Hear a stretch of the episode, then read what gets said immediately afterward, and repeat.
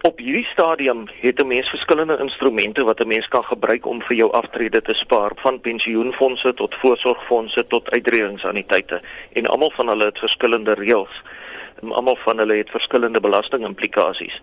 Nou die doel wat die wetgewer het is om al hierdie goed bymekaar te sit en te sê kom ons maak dieselfde reëls op almal van hulle van toepassing so dit maak nie saak watter instrumente mens gebruik nie of dit nou 'n pensioenfonds of 'n voorsorgfonds of 'n uitredingsannuïteit is.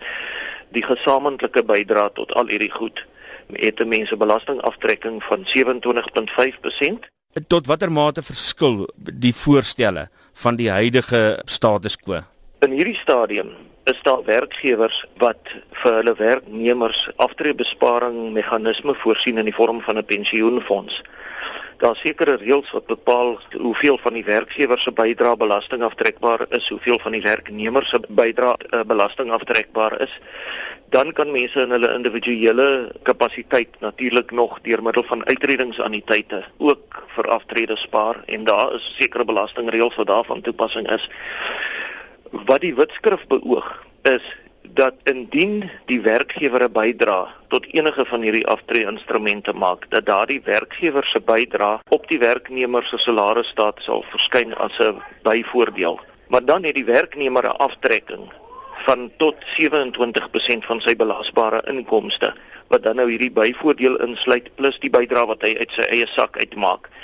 En vir sover die gesamentlike aftrekking van al hierdie goed op die salarisstaat minder as 27.5% is, kan die werknemer tot 'n uitredingsannuïteit bydra om sy totale besparing te vat tot op 27.5%. Wat is die doel van hierdie veranderinge?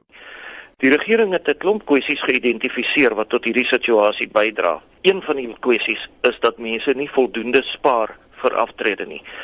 Die tweede kwessie is dat mense van werk verwissel en nie hulle aftreebesparings preserveer nie. Elke keer as hulle van werk verwissel, dan spandeer hulle hulle geld.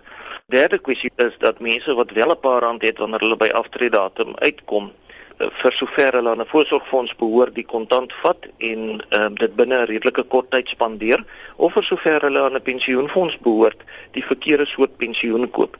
So dit is die kwessies wat die regering wil adresseer, maar om terug te kom tot by die eerste een, die besparing vir aftrede is die regering se oogmerk om dinge so eenvoudig as moontlik te maak en om die ruimte te skep vir mense by wyse van belastingtoegewings om hulle aan te moedig om ten minste tot op 'n sekere perk te spaar tot by aftrede. Wat is die ideaal waarvoor mense voorsiening moet maak vir aftrede? Persoon behoort af te tree met rolweg 75% van sy inkomste net voor aftrede.